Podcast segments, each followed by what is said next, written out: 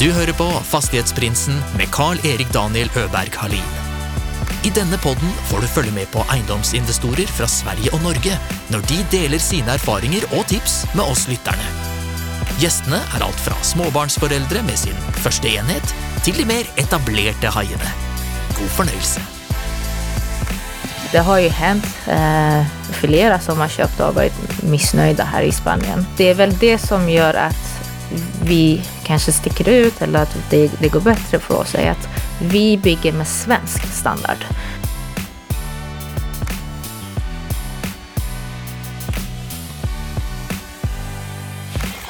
Veckans gäst räds ingenting och bytte Stockholm mot Marbella och frisörsalong mot mäkling och flipping. En helt klart spännande strategi och imponerande resa som bara har börjat. Nu välkomnar vi Susan Levin! Tack! Tack för att jag får vara med. Ja, men tack själv. Det var jättekul att du klämde in eh, ett litet samtal här nu när du var mellan eh, Spanien och Sverige. Eller du är i Sverige nu. Det stämmer. Det verkar som att du har ett ganska späckat schema. Eh, Det stämmer, men jag hoppas att jag kan eh, ja, säga något som eh, är nyttigt till någon som lyssnar. Ja, men det tror jag. Det är i alla fall eh, massa spännande som vi har snackat före och eller innan eh, precis här nu. Så det, är jag helt säker på. Jag är i alla fall jäkligt nyfiken på att höra mer om vad ni har fått till eh, nere i Marbella. För det är ju, som vi snackade om tidigare, så är det ju liksom flera anledningar som det är kul och, eller som eh, jag i alla fall är är nyfiken på att höra mer om. För du har ju bott i Stockholm de sista 20 åren eller något sånt. Mm, jag flyttade faktiskt till Stockholm när jag var 16. Eh, Jag flyttade Ja. hemifrån då, jag, jag är från Västerås. Så ja, eh, vad blir det? 16 år, exakt. Ja, nej men och så har du så har du drivit en eh, frisörsalong om jag inte har förstått Mm. det fel. Nej, men i och med att jag flyttade så tidigt då eh, hemifrån så Mm. behövde jag eh, jobba genast. Så jag valde att bli frisör i gymnasiet och började jobba då. Eh, Mm. Så sen, ja, ja, sen jag var 16 har jag egentligen jobbat. Eh, men jag, jag visste väl att jag ville liksom någonting mer, men jag visste inte riktigt då vad det var. Jag har fortfarande min frisörsalong kvar också i Stockholm i Odenplan. Nej men och det där är lite som är kul, just det att du har varit frisör och att du har bytt yrke, Mm. eller bytt inriktning. Mm. Eh, Och så har du bott i Stockholm, Sverige och flyttat över till Spanien, Mm. eh, bytt land. Mm. Och så som vi är inne på så är det ju inte så jättemånga tjejer som är inne i fastighetsbranschen så det är ytterligare en eh, intressant eh, sak att höra om hur du upplever just det. Mm. Kan inte du eh, starta egentligen, vad, vad var Mm. det som hände, eller vad var det som gjorde att ni valde att packa era väskor och dra till Marbella och börja med fastigheter? Det var när vi skulle fira faktiskt. Eh, en framgång och en milstolpe Mm. som vi hade uppnått.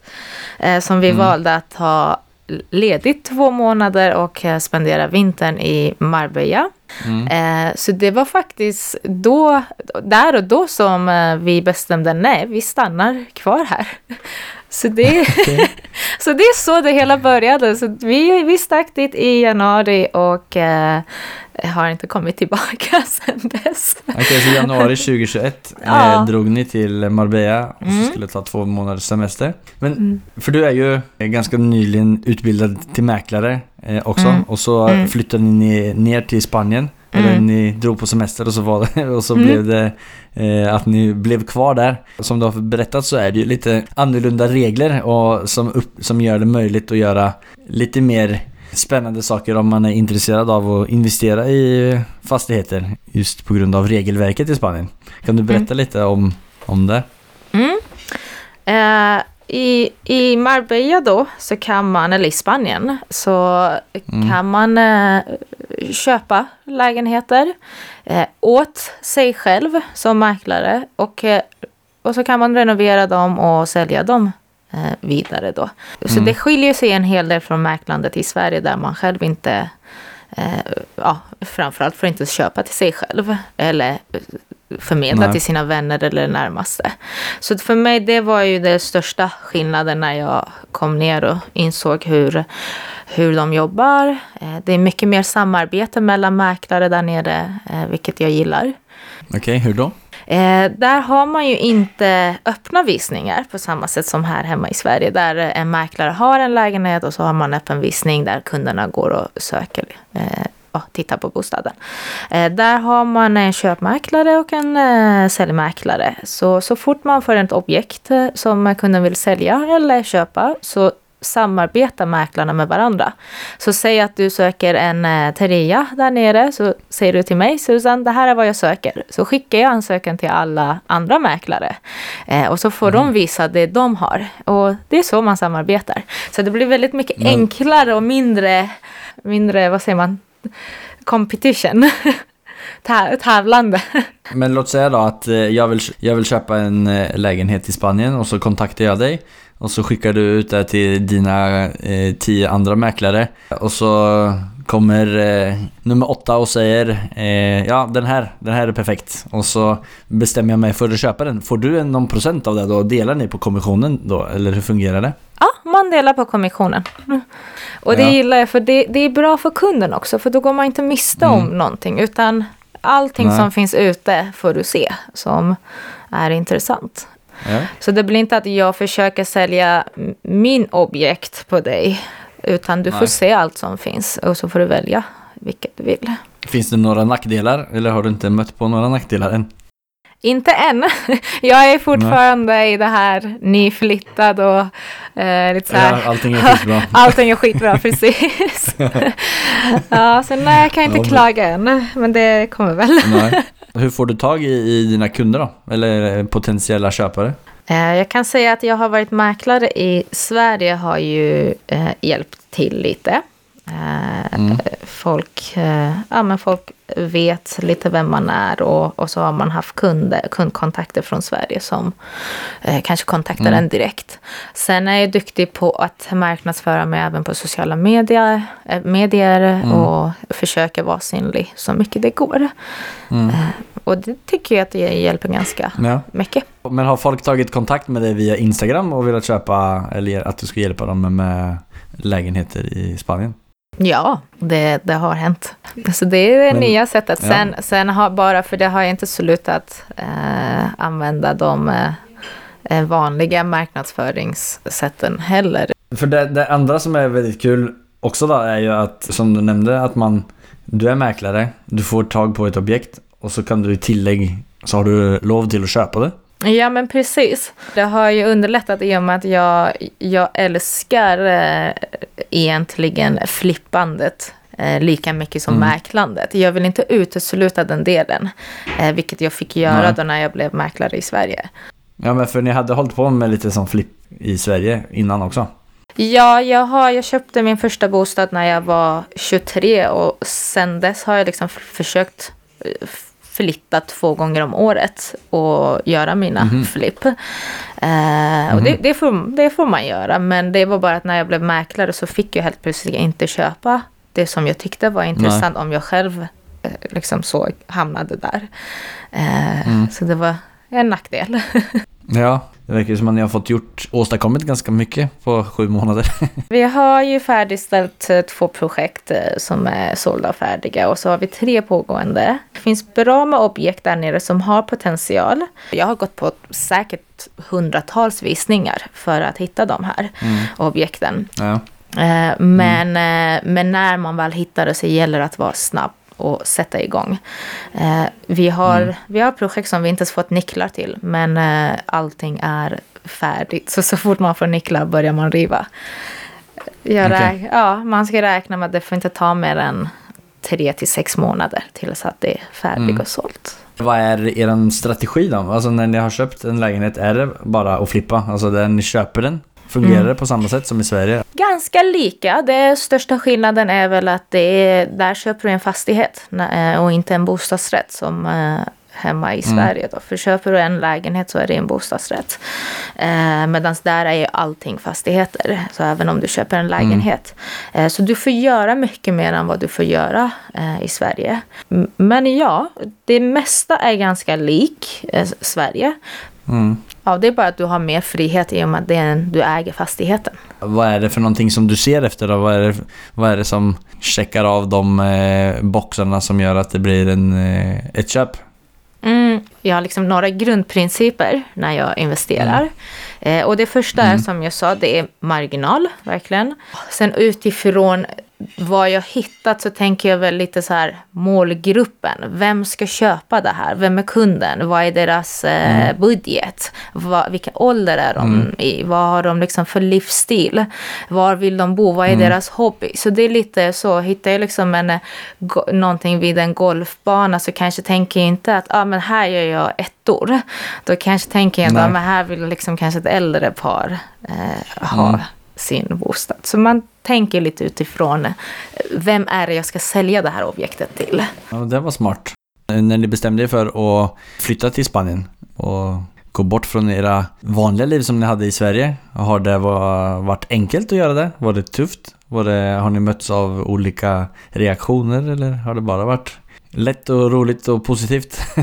Eh, I och med att vi inte har barn så tror jag det har underlättat vår resa enormt mycket. Vi kom ju till Sverige som tonåringar så det känns som har man gjort den resan en gång så är man inte så rädd av sig. Vi, Nej. eller jag känner mig inte egentligen rotad någonstans. Så det, det, ja, det bottnar sig säkert i den att jag kan bara Ja. dra lite eh, var som helst. Ja. Ja, men det där kan jag känna igen mig ganska mycket. Alltså nu har ju inte jag flyttat så långt som ni flyttade, för ni flyttade från Iran till Sverige. Mm, det Eh, stämmer. Båda två. Mm. Jag och Paula har ju bara flyttat eh, från eh, Sverige till Norge. Mm. Det är ju ett annat land, eh, även om det är väldigt likt. Men det gör ju någonting med att man inte helt känner sig rotat. Så Mm. vi har ju inte haft så svårt att flytta runt i olika lägenheter eller områden. Eller vi sitter nu och funderar på om vi ska flytta någon annanstans också. Mm. Så får vi se om det blir av eller inte. Ja, men ni, ni får jättegärna höra av er till mig om ni vill komma till Marbella. Kanske har en extra bostad där. Ja. Ska lägga, lägga upp ett förslag ikväll. Det, det tror jag det kommer bli gillat förslag. Men när man kommer från Sverige eller, eller Norge, använder man en, en skandinavisk eller spansk bank när man köper någonting? Om Mm, man ska ha lån. det får man välja själv. Eh, vi har spanska banker. Det har varit enklare. Eh, man kan belåna sin bostad i, i Sverige då om man vill använda sin, sin svenska banker. Så vi har inte känt några svårigheter med eh, ja, språket alls. Alla kan engelska, Mm. all, de flesta kan svenska. Ja. Så det är superenkelt. De här projekten som ni har, eh, som ni inte har startat med, tre Mm. stycken som, eller är pågående. Vilket stadie är ni med dem? Upprivning. Så det är rivstart. Vi håller på att riva och målet är ju att sälja off-plan redan. Okej. Och det är det som gör det möjligt att vi kan hoppa på nästa projekt så snabbt. Ja. Om man ska se på ur ett ekonomiskt perspektiv. Eh, du är mäklare i Spanien Mm. och du får ett objekt som du tycker det här är kul, det här ska jag investera i. Alltså, Mm. Eller låt säga att om det, om det startar med att det en vill sälja ett hus och de Mm. kontaktar dig. Får du mäklararvode då först för att du säljer den till dig själv av dem? Ja, både ja och nej. Du får ju inte dem i liksom kanske pengar så, men det dras ju bort från eh, köpeskillingen. För att Mm. eh, som sagt, alla har ju rätt och jag menar om eh, jag kommer dit och säger att men vårt bolag ska köpa det här.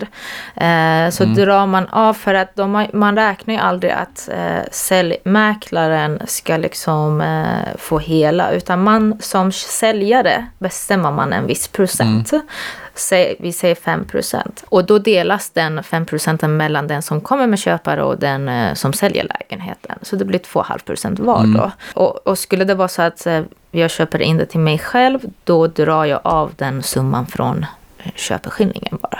Ja, jo, det blir ju att jag får pengarna men, men på ett Ja annat men du, drar, du får ju en rabatt. Ja, Ja men precis, och sen så nästa steg så renoverar den. Renoverar Mm. du den själv eller sätter ni bort allt arbete eller gör ni en kombination av det? vi har några byggföretag som vi samarbetar Mm. med. Så de gör all jobb.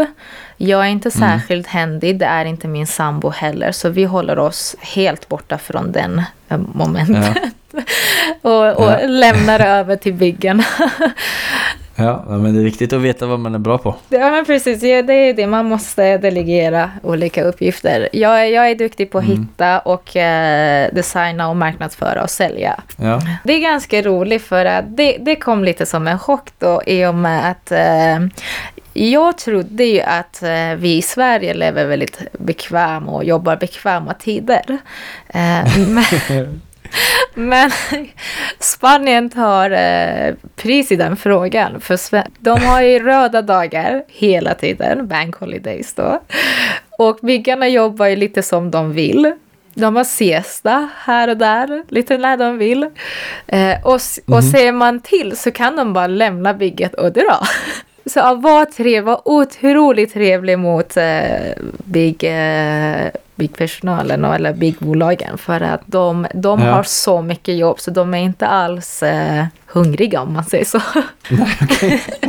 det låter ju som eh, att man kan eh, hamna bort i några eh, situationer där det tar lite längre tid en renovering än vad det kanske skulle gjort. Alltså hur fungerar, eller hur sätter man upp de kontrakten med byggarna? Får de en fast pris på vad de ska göra? Ja, redan, redan innan man river så brukar man ju göra en projektbeskrivning eller byggbeskrivning som man kommer överens då om när det ska vara klart. Sen får man sätta olika vite eh, för, att, för olika eventuella förseningar. Det rekommenderar jag verkligen för det, ko- det blir förseningar i Spanien alltid. I och med att vi har jobbat ganska länge i Sverige med det här och har en viss standard och våra kunder är svenskar för det mesta så har man ju krav på utförandet av jobbet. Och även det är ju jätteviktigt att man verkligen kollar så att det blir rätt. Eh, För det är inte samma regler här i Spanien om eh, olika byggmoment. Eh, och där har, där har väl min eh, sambo väldigt mycket erfarenhet om olika ja, men, eh, våtrumsregler och så vidare. Eh, så det är ju jätteviktigt och kan man inte själv det så rekommenderar jag verkligen att man eh, tar in någon som kan de här delarna. Vilket jävla dreamteam ni är då. Ni har ju liksom väldigt eh, bra förutsättningar för att i alla fall styra och följa med på hela värdekedjan. Även om ni inte liksom bygger själva så är det ju mycket bra förutsättningar för att få bra genomförda projekt. Mm, för det är väldigt lätt att man kommer ner och hittar något objekt, man vet ingenting om området och så renoverar man något, blir säkert eh, lurad av olika eh, byggföretag och så får man en eh, dålig resultat och så köper kunden och kunden är missnöjd. Det har ju hänt eh, flera som har köpt och varit missnöjda här i Spanien. Det är väl det som gör att vi kanske sticker ut eller att det, det går bättre för oss är att vi bygger med svensk standard. Eh, Vi är superpetiga i den frågan. Vi kompromissar inte på kvalitet när vi renoverar. Även om det är i Spanien så bygger vi på svenskt sätt. Ja, men så när ni har gjort en process då, ni har renoverat eh, färdigt, den är ute för försäljning eller ni prövar ju att sälja under tiden som ni renoverar dem. Är det lätt att sälja lägenheter i Marbella för tillfället och är det lätt att sälja dem på, alltså på ritning? Ja, det har gått bra för oss hittills. Mm. Mm, Men det kan ta längre tid att sälja eh, här nere. I Stockholm så kunde jag ha en visning på en söndag. Eh, och så hade man eh, budgivning på måndagen och så var kontrakt skrivet samma vecka. Man får räkna med att det tar, eh, jag skulle säga två till sex månader att eh, sälja en min, ett mindre eh, objekt där. Pratar vi om större villor så kan det ta ett, två år. Så det, det är därför jag tänker att det är viktigt med att göra en bra målgruppsanalys. Vem är min kund? Är, ska jag bygga en villa för 200 miljoner? Ja, men hur många kan köpa det? Då är det ju kanske bara en eller två. Och då får du räkna med att det kan ta ett, två år. Det- finns det många villor i Marbella för 200 miljoner? Eh, Det dyraste som har sålts hittills är 240 miljoner. Eh, ungefär. Mhm. Och det var din första flipp eller? Ja, exakt. Nej. Nej, men så det finns. Det, det finns eh, otroliga villor här. Vad är det för prisklass ni är inne i och vad är liksom, vilken prisklass är det som är lätt omsättlig? I och med att eh, mitt fokus har varit på att eh, öka eh, mitt kapital så snabbt som möjligt så har jag hållit mig under 10 miljoners klassen. Och håller Mm. mig där någonstans runt på 5-6 miljoners lägenheter. Mm. Vad får man för 5-6 miljoner i Marbella? Du kan få en topprenoverad skandinavisk trea. Så när ni har lagt ut dem för försäljning Mm. eh, och det tar så lång tid som det tar att sälja dem Mm. så gör du det via som mäklare. Hur mycket tid alltså, krävs det att liksom lägga ner eh, som mäklare i Spanien? Är det, är, det, är mer tidskrävande eller är det också manana manana som med snickarna eh, och vara mäklare i Spanien? Det tar tid. Eh, Det kommer man inte undan. Men jag tycker ju det är kul. Från, att, eh, från att börja rita tills, tills, tills de börjar riva och bygga upp och till försäljningen. Jag tycker alla de delarna är jätteroliga. Sen behöver man ju inte vara mäklare här nere i Spanien utan alla kan mäkla. Är det så? Kan alla vara mäklare i Spanien? Eh, på gott och ont då. det, det blir Ja. en del oseriösa. Men det, det sker också affärer. Någon som känner någon som vet att söker något. Så kan de komma med en kund. Är det rätt som det är. Ja. Och så har man en kund där. Eh, så vad man gör då efter att eh, allting är klart. Om man inte sålt, på, sålt off-plan. Då skickar man eh, en inbjudan till alla mäklare då som man känner. Man har ett program där nere som motsvarar de program mäklarna i Sverige har också. Eh, så man kan ha kontakt med alla mäklare i, som är, eh, verkar i området. Så kommer Mm. alla dit och tittar och då vet alla mäklare att okej, men nu finns eh, den här eh, objektet med tre sovrum till salu med det här priset. Och så skickar de det till sina kunder som letar något liknande. Mm. Eh, Så det är så det går till eh, med försäljningen Mm. om man inte redan hun- eh, sålt på ritning. Hur är procenterna, alltså mäklararvodet i Spanien jämfört med Sve- Sverige? Är det ganska likt? Det beror på vad objektet kostar. Men det Mm. vanligaste är 5 eh, Sen blir det lite högre ju, ju dyrare objektet är. Så lyckas man sälja en villa här för 240 så, så kan man vara väldigt glad. Ja, det, de sa att man fick 5%. Ja, 6% när det kommer till sådana villor. Ibland upp till 10 6% av... Mm. Ja, det är därför trevligt. mäklandet är en viktig del för mig då. Det blir bra Mm. kassaflöde. För Ja. det, vi, det kostar ju att köpa de här objekten. Så vill man finansiera det så vill ju banken se ett kassaflöde. Så där Ja. är bankerna väldigt lik Sverige. Och de, eh, Mm. ja, så de kräver också väldigt mycket säkerhet då, Mm. innan de lånar ut pengar. Spännande strategi och många möjligheter låter det som. Vill man investera i Marbella men har inte tid eller vill inte vara där så vi, vi har ju jättemånga svenska investerare som investerar med oss Mm. och eh, låter liksom oss sköta allting. Mhm. Och så cashar de bara ut det när det är klart. Ja, Så så kan Ja. man ju också göra om man har kapitalet men inte tiden. ja.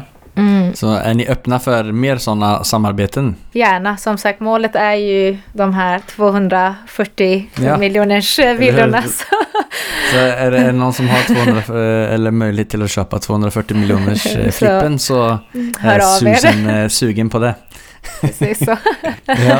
ja, men superbra. Vi hoppar vidare till vårt nästa segment som heter eh, Affärsanalysen. Det är det segment där våran gäst delar med sig om en genomförd deal och delar med sig lite smått och gott av den. It has not been easy for me. And, you know, I, I started off in Brooklyn. My father gave me a small loan of a million dollars. Affärsanalysen. Eh, är det någon speciell deal som du har tänkt ut att du vill dela med dig om? Ja, men jag kan eh, berätta om eh, det senaste som vi har gjort då. Eh, och Ja, och ja. det var en, en trerummare, alltså två sovrum, Mm. på 80-90 kvadratmeter. Det kan också Mm. vara bra att komma ihåg att i Spanien tänker man inte så mycket på kvadratmeter utan det är mer hur många rum det finns. Bli inte chockad.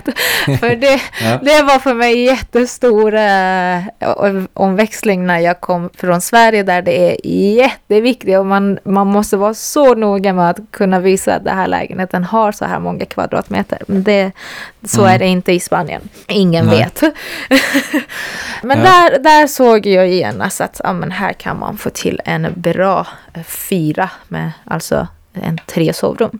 Nej, och den här lägenheten var ute för ett eh, jättebra pris. Eh, det var eh, där i andra ronden av corona då. Så det var liksom, eh, den här lägenheten fick vi för ett bra pris. Och, och så körde vi direkt, liksom bokade den på plats. Vad, var, vad kostade den då?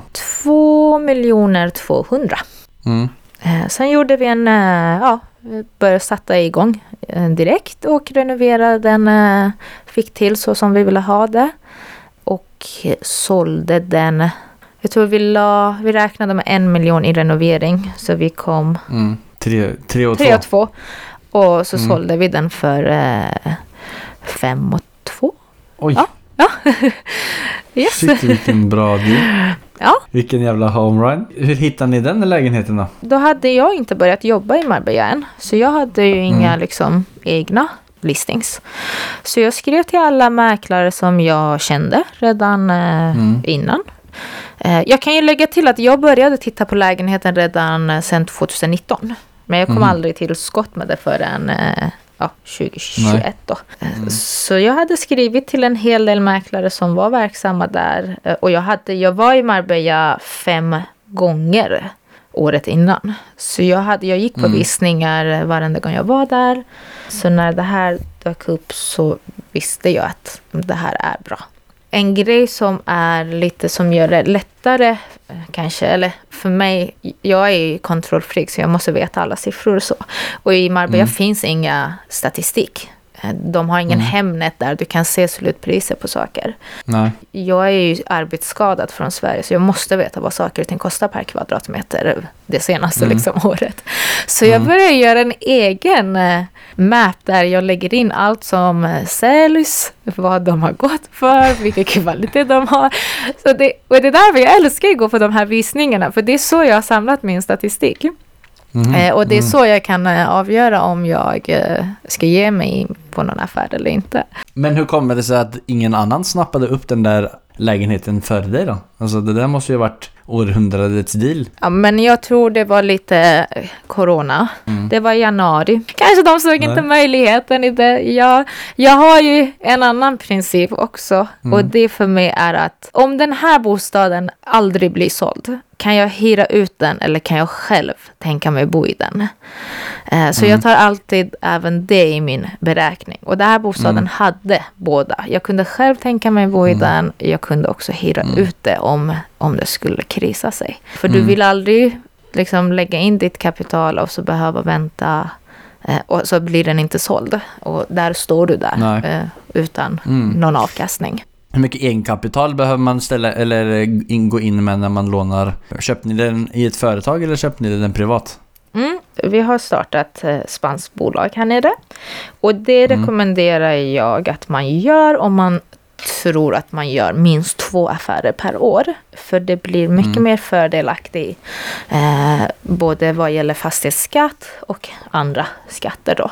Och så kan man Mm. äga det bolaget via sina svenska eh, bolag ifall man vill. Eh, Sverige har jättebra Okej. samarbete med Spanien så, så man behöver inte bli dubbelskattad och så om man låter en bra revisor sköta allting då. Jag är inte så kunnig Mm. med siffror eller med, Nej. den, med redovisning så vi har eh, även någon som sköter allt. Eh, men det ska vara Mm. jätte, superenkelt i och med att det finns jättebra samarbete mellan Sverige och Spanien. Ja men så bra. Man kan låna upp till 60-70% här nere. Så Mm. man måste ha lite eget kapital då när man Ja, kommer okej. ner. Mm. Eh, sen så, tror jag som privatperson kanske 70% till och med. Jag kan inte. Det är, det är fall till fall. Ja, nej, men det där var ju i alla fall en eh, jävligt bra deal jag förstår att ni blev kvar med när ni startade med den eh, homerunnen. Ja men så spännande, kul. Tack för att du delade med dig den. Då springer vi vidare till vårt nästa segment som heter Fyra frågor och det är det här segmentet där våra, vi ställer de samma fyra frågorna till alla våra gäster.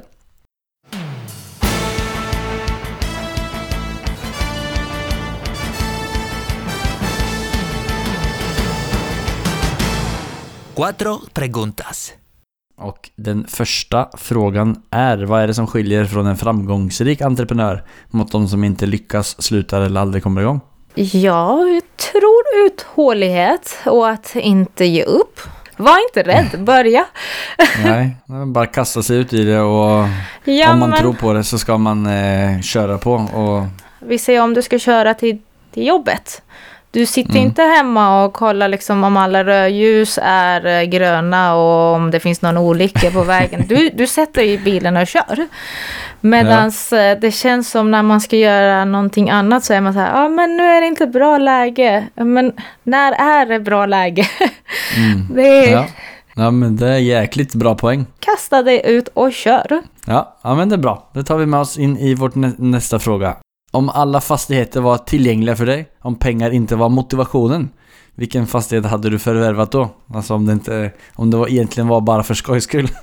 Eh, ett hotell. Okej. Och det är inte för hotellet i sig. Jo, jag älskar ju människor, så då har man ett rum för alla som vill komma och hälsa på en.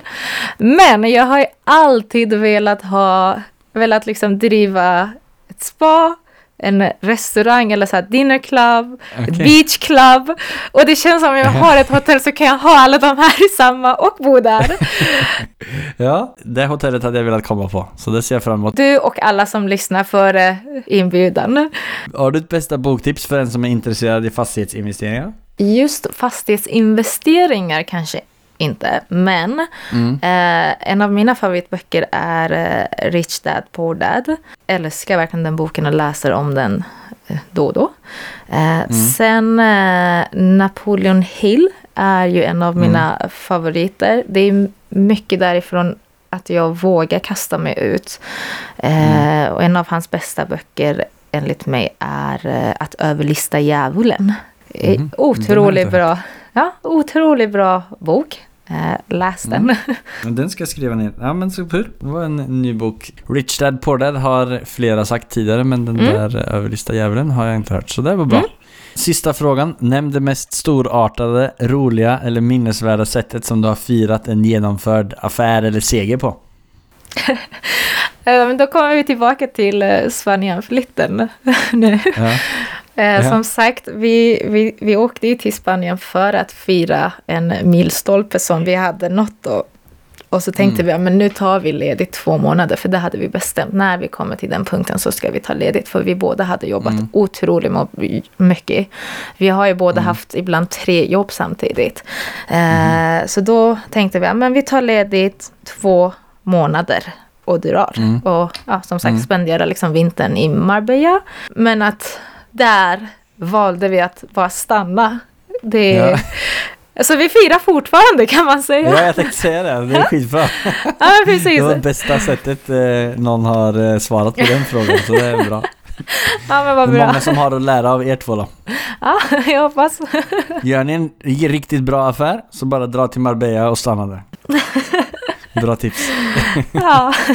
Är det några speciella deals som ni är på jakt på eh, framöver? Ja, så det är ju egentligen mer investerare som, vi, som jag söker då. I och med som sagt ens egna kapital räcker ju till eh, en viss eh, projekt.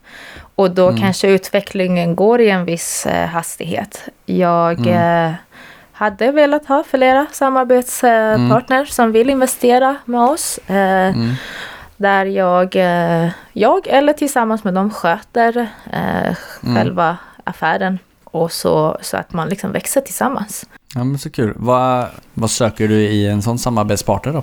Ja, lite samma driv. Eh, Tycker jag är viktigt. Att man vill åt samma mål. Eh, Transparent är väldigt viktigt för mig. Eh, jag, eh, jag gillar långsiktiga samarbeten. Eh, Så det är Mm. viktigt för oss, för mig då, att eh, man är transparent från början. Hur kommer man i kontakt med dig på bästa sätt då? Eh, Man kan mejla mig på Susan, S-U-Z-A-N, snabel-a, adlaproperties.com.